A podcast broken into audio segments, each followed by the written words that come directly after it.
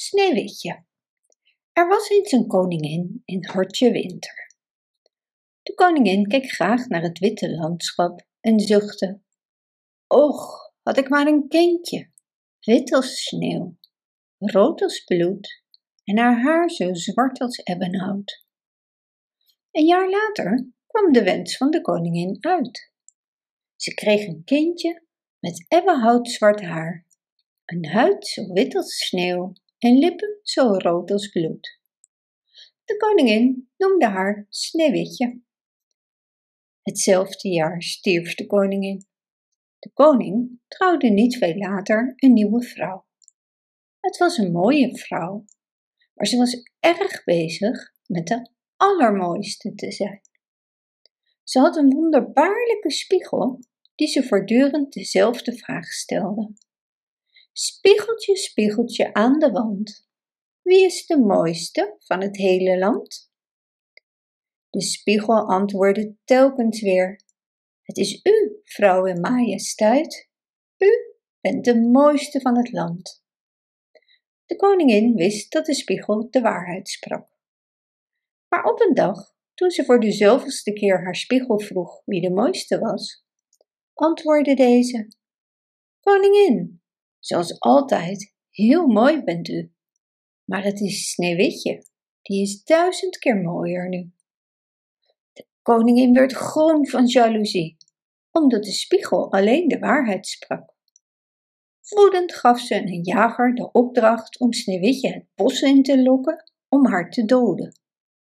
Ook moest hij haar hart meenemen naar het paleis als bewijs.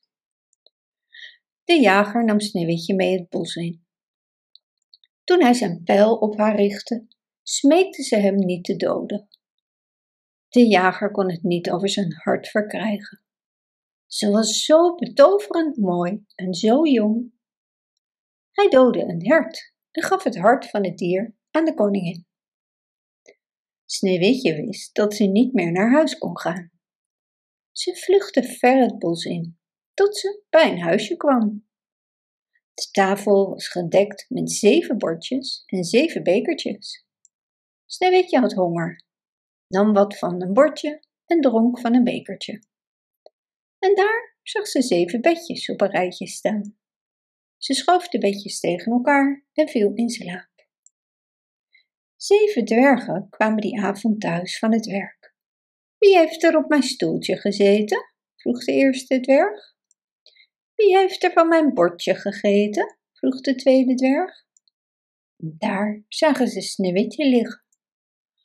Ach, wat een lief meisje, en wat is ze mooi, fluisterden ze alle zeven.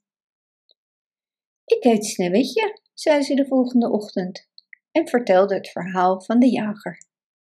Blijf bij ons. Als jij voor het huishouden zorgt, dan zorgen wij dat je niets tekort komt, zei de oudste dwerg. Sneeuwwitje bleef. Overdag was ze alleen, dus de dwergen vroegen haar voorzichtig te zijn. Intussen vroeg de koningin de spiegel wie de mooiste was. Tot haar schrik antwoordde deze: O koningin, u bent de mooiste van dit land, maar Sneeuwwitje is duizend keer mooier, daar over de bergen, bij de dwergen. Razend werd de koningin. Sneeuwwitje leefde nog. Ze bedacht een list. Verkleed als oude boerin klopte ze op het raam van het huis van de dwergen. Sneeuwwitje deed voorzichtig open. Hallo, lieve meid, zei de boerin. Ik heb hier heerlijke appels. Wil je er eentje proeven? Sneeuwwitje antwoordde. Eigenlijk mag ik niet praten met vreemden. Maar een appel proeven kan geen kwaad. Dank u wel, mevrouw. Nadat ze een hap van de appel had genomen, viel ze dood neer.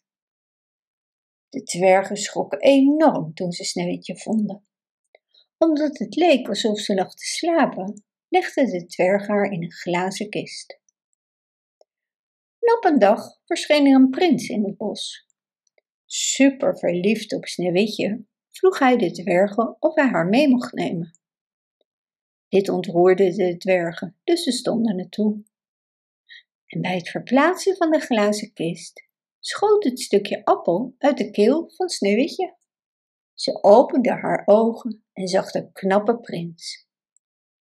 En wat er nu met de stiefmoeder gebeurde, is nog een raadsel. Sommigen zeggen dat ze in een standbeeld veranderde. Helemaal duidelijk is het niet. Het is in ieder geval zo dat Sneeuwwitje zich nooit meer zorgen om haar hoefde te maken. En de prins en Sneeuwwitje trouwden en leefden nog lang en gelukkig. Bedankt voor het luisteren. Wist je dat je dit verhaal ook op onze website ririro.com/nl kunt lezen, downloaden en printen?